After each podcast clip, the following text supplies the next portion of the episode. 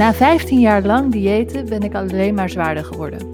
Daarom heb ik besloten uit de dieetcirkel te stappen en me helemaal te storten op intuïtief eten. Op dit kanaal kun je mijn reis volgen naar voedselvrijheid, met als belangrijkste doel rust in mijn hoofd rondom voeding. Laten we snel beginnen. Hey, goedemorgen. Goedemorgen is het voor mij althans. Ik neem deze podcast namelijk op dinsdagochtend op. En ik ga jullie wat meer vertellen over hoe het weer met mij gaat in het intuïtief etenproces. Um, zoals je misschien aan mij kan horen, ben ik niet zo opgewekt als vorige keer. En dat heeft ook een aantal redenen. En, en ik zal even vertellen hoe het de afgelopen week vergaan is. Um, het coachgesprek dat ik deze week heb gehad. En hoe ik de komende week zie en wat er me te wachten staat. Dus laat ik even beginnen met uh, hoe het de afgelopen week gegaan is. Het was heel wisselend. Er waren dagen bij dat ik me heel erg fijn voelde en dat ik dacht, oh wat fijn dat, dat ik alles kan loslaten rondom voeding. Dat ik gewoon kan nemen wat ik wil. Uh, dat ik luister naar mijn lichaam. Nou, dat was heel fijn. Maar er waren ook dagen waarop ik dacht, jeetje, ik eet wel echt heel erg veel en um, prop ik mezelf niet te vol. En dat ik dus ook doorat als ik eigenlijk helemaal vol zat. En dat ik ook niet zo goed begreep waarom. en dat waren dan wel allemaal dingen die ik opschreef, ook omdat ik wist dat het coachgesprek eraan kwam. Um, maar dat waren dagen waarin ik dus heel onzeker was, waarbij ik dacht, oh ja, mijn broek zit wel strakker en oh, volgens mij krijg ik al wat meer buik. En dan ging ik overal op letten en dat, oh, mentaal is dat zo slopend. Dus daarin um, ging het dus wat minder. Dat waren de dagen waarop het wat minder ging. Um, ja, en verder probeer ik zoveel mogelijk um, leuke dingen te doen. Zodat ik ook wat meer afgeleid word van het eten. ik heb nog steeds de gedachte dat ik terug wil naar diëten. Of in ieder geval voordat ik mijn coachgesprek had, had ik dat nog steeds extreem. Ik dacht, moet ik niet gewoon dat coachgesprek afzeggen? Moet ik niet gewoon weer een dieet starten? Ging ik allemaal diëten opzoeken en dan dacht ik, ja, maar dit wil ik niet en dat wil ik niet en waarom zou ik het überhaupt doen? En dat is natuurlijk ook hoe het gaat. Ik bedoel, ik heb zo lang in die dieetcirkel gezeten dat het niet gek is dat ik daar nog naar terug verlang. Het is ook een soort houvast, een soort controle die je hebt. Dat je, ja, je denkt dat je controle hebt, maar vaak is dat niet zo in mijn geval in ieder geval, um, dat ik dacht, oh nu heb ik echt de controle over mijn eten. En dan s'avonds ging het helemaal los. Uh, dat ik dan toch weer een eetbuik kreeg. Dus ja, hoe ver heb je, in hoeverre heb je dan de controle? Um, maar ja, dat zijn dus dingen waar ik nog steeds tegenaan loop. Um, ik denk dat het belangrijkste wat ik wil bespreken is het coachgesprek, want dat was echt heel erg fijn.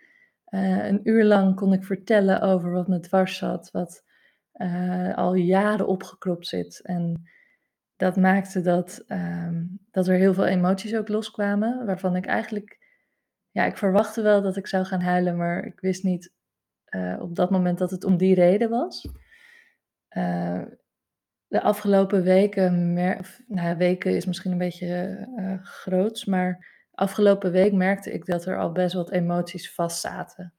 En um, ik heb ook een paar keer dat ik dan uh, bijvoorbeeld een huilbuik kreeg. Uh, niet extreem hoor, maar gewoon als ik in mijn bed lag en lag na te denken, dat ik dan daarbij moest huilen, omdat er bepaalde gedachten naar boven kwamen. Um, en ik merkte dus al dat ik niet zo lekker in mijn vel zat als de eerste paar dagen dat ik weer intuïtief at. Er komen zoveel angsten bij kijken, vooral de angst om aan te komen. En nou ja, blijkbaar zaten er nog veel meer dingen vast.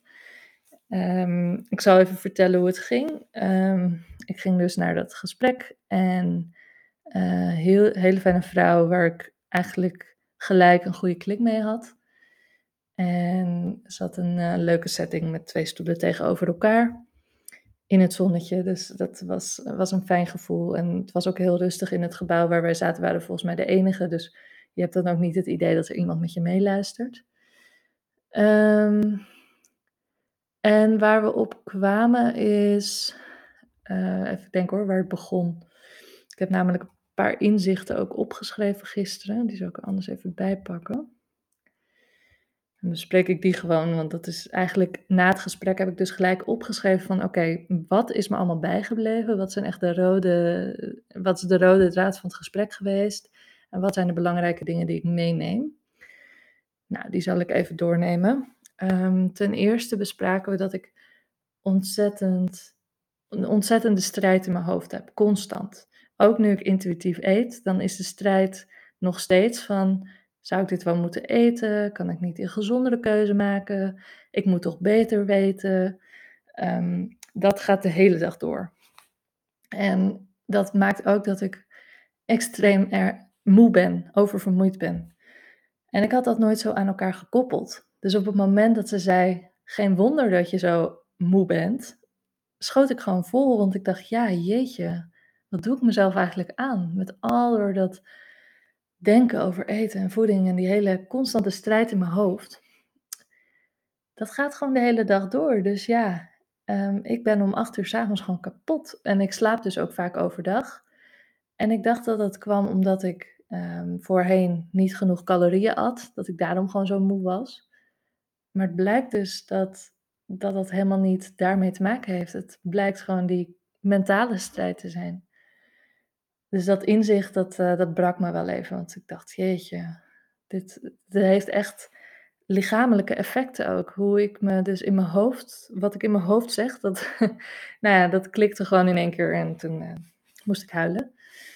Um, en verder gaat het heel erg over onzekerheid, dat ik wil voldoen aan een perfect plaatje, maar ik ben nou eenmaal niet dat plaatje. En als ik dat perfecte plaatje zou zijn, dan ben ik nog steeds onzeker, want ook dat heb ik ervaren.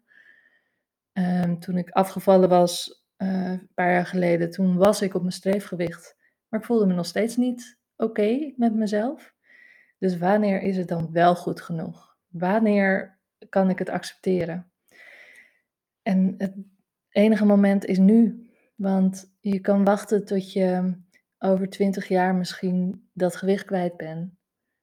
Maar dan heb je misschien weer rimpels waar je onzeker over bent. Dus er zal altijd iets zijn waar je onzeker over bent. Dus je kan het maar beter gewoon accepteren en blij zijn met alles wat je kan met je lichaam, dan constant focussen op, degene, op, de, op de dingen die, niet, die je niet dienen. Um, wat ik ook wel uh, een goede, uh, goed inzicht vond, wat zij op een gegeven moment zei. We gingen even mijn dag van uh, gisteren doornemen, of eergisteren eigenlijk wat ik allemaal at op die dag. Of hoe dat ging. En toen kwam het erop eigenlijk op neer wat zij zei van... hey, je grijpt heel erg naar comfortfood. En uh, zij zei, ja, je wil waarschijnlijk jezelf uh, dat comfort geven. Er is iets. Je wil goed voor jezelf zorgen. Uh, of je wil jezelf troosten, zeg maar een soort troostvoedsel. En dat vond ik ook wel een, een inzicht. Ik denk, ja, dat is inderdaad waar ik altijd naar grijp. En uh, ja, wel mooi om dat te beseffen en om dat inzicht te hebben van er is blijkbaar iets waarom ik altijd naar dat soort eten grijp. Um, verder. ja, ik, eh, ik vroeg haar dus van. Ik, ik had namelijk gisteren zoiets van misschien moet ik gewoon even niet al die dingen in huis halen. Ik ben altijd iemand geweest die dacht, ik moet gewoon chips, chocola en zo in huis kunnen hebben. En uh, dan neem ik een portie en dan is het oké. En dat is vaak ook wel hoe het bij mij werkt. Maar toch, doordat het in huis is, geeft het mij onrust. En gisteren had ik dus zoiets van voor dat gesprek al, misschien moet ik het gewoon even niet in huis halen. Want als het er niet is, dan is het misschien ook wat rustiger in mijn hoofd. Dus ik vroeg dat aan haar van hoe kijk jij daar tegenaan? En zij zei van ja, dat lijkt me wel een goed idee om niet jezelf te verbieden om bepaalde dingen te eten, maar om het in ieder geval niet in huis te hebben. En op het moment dat je het graag wilt eten, kun je het gewoon gaan halen. Maar dan is er nog een drempel die je over moet voordat je het echt hebt. Terwijl als het in de kast ligt, dan heb je het natuurlijk zo in je mond gestopt.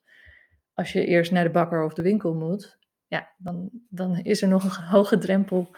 Uh, en ook nog wat bedenktijd voordat je het daadwerkelijk gaat eten.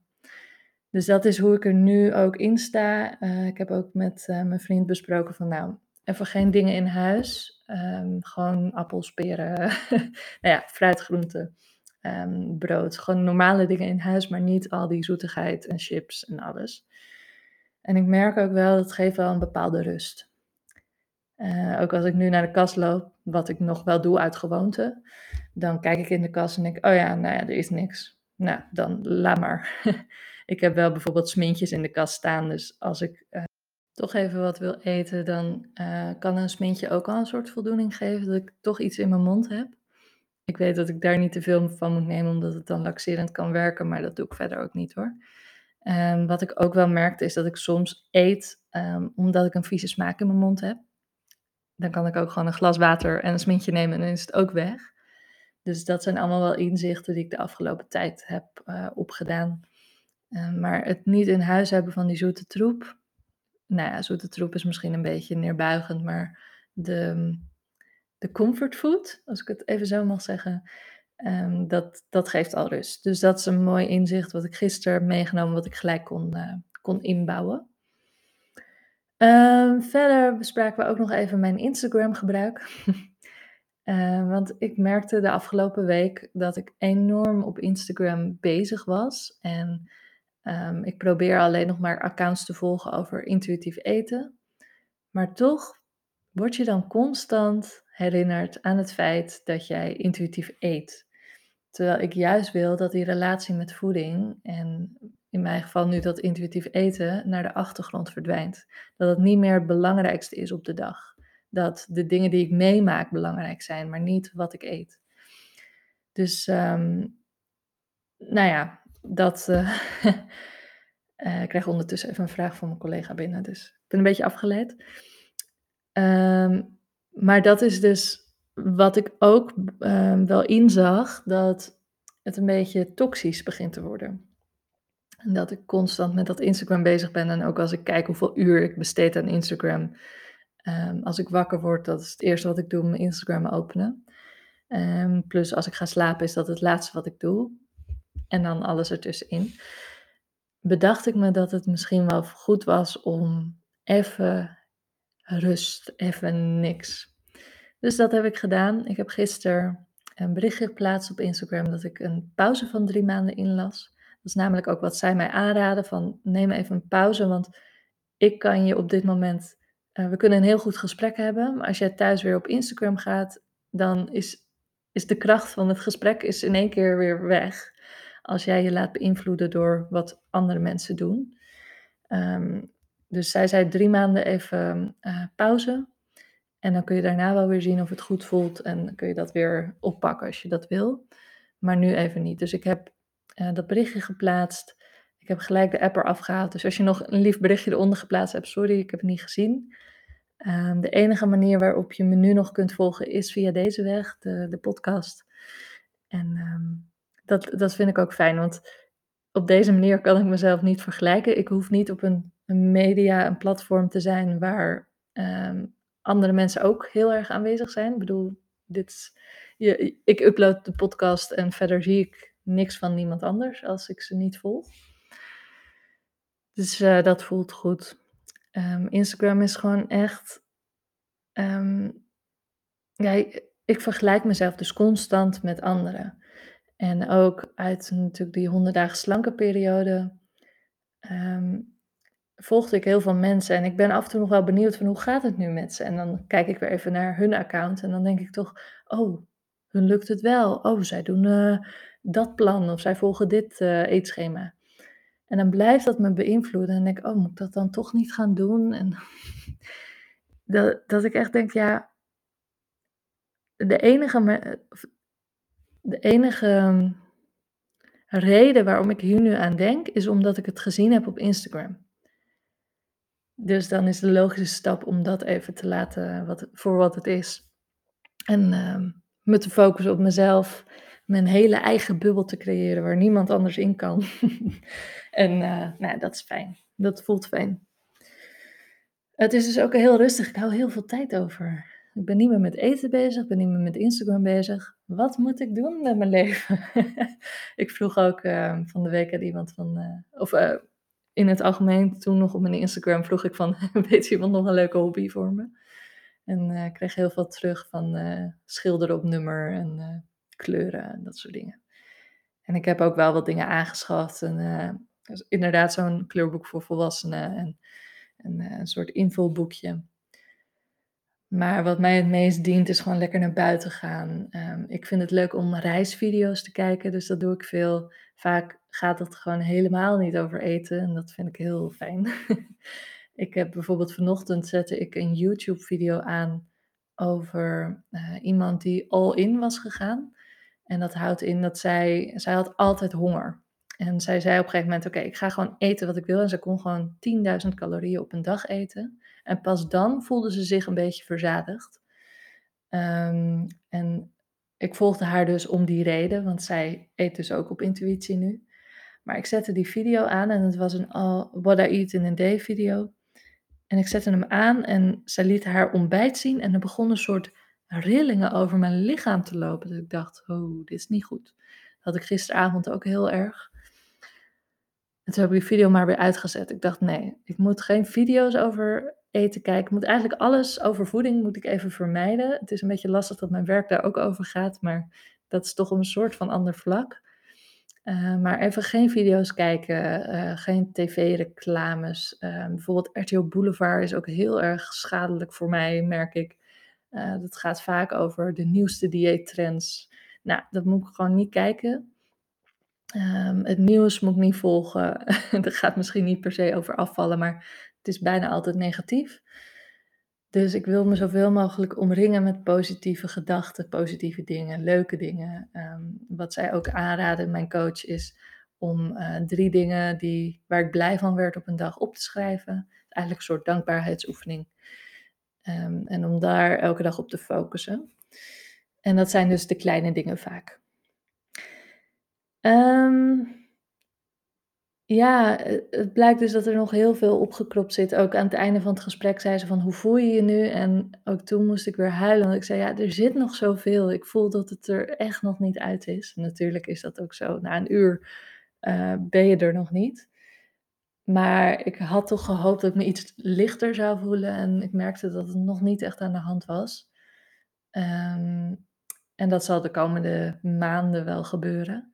Maar er is nog een hoop werk te doen, maar ik ben ontzettend blij dat ik deze stap genomen heb.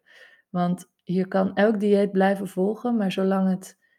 Uh, diëten werken überhaupt niet hoor, maar zolang jij je van binnen niet goed voelt en er zit nog iets niet goed, dan moet je dat eerst oplossen.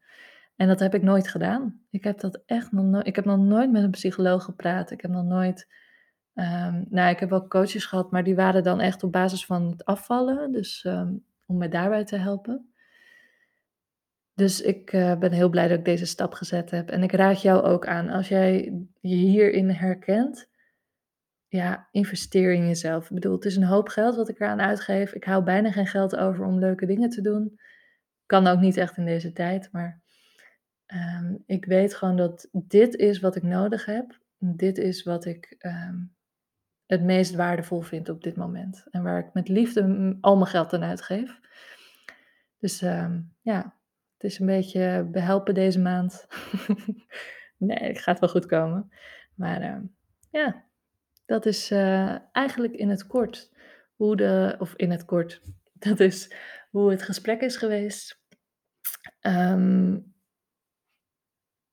wat, zij, nou, wat, wat ik nu nog lees is zij zei van misschien heb je ooit een tekort gehad, waarom je nu zo geobsedeerd bent op het gebied van voeding. En toen bedacht ik me, mijn moeder vertelde dat toen ik borstvoeding kreeg, dat daar geen voeding in zat. Dus ik kreeg melk waar geen voedingsstoffen in zaten. Eigenlijk gewoon water, een soort van water.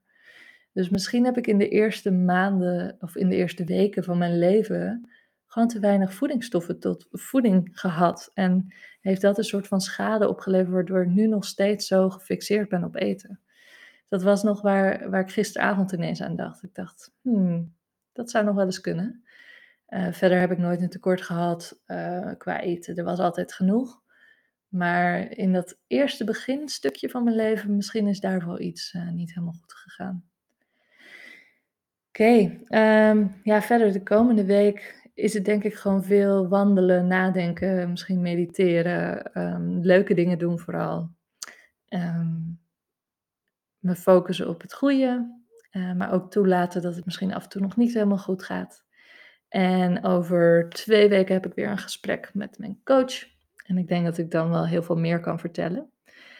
Maar misschien dat ik volgende week toch nog een, een podcastaflevering upload. Maar daar moet ik nog even over nadenken. Dus tot de volgende keer.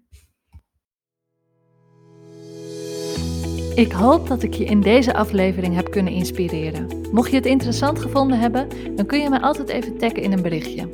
Tot de volgende keer!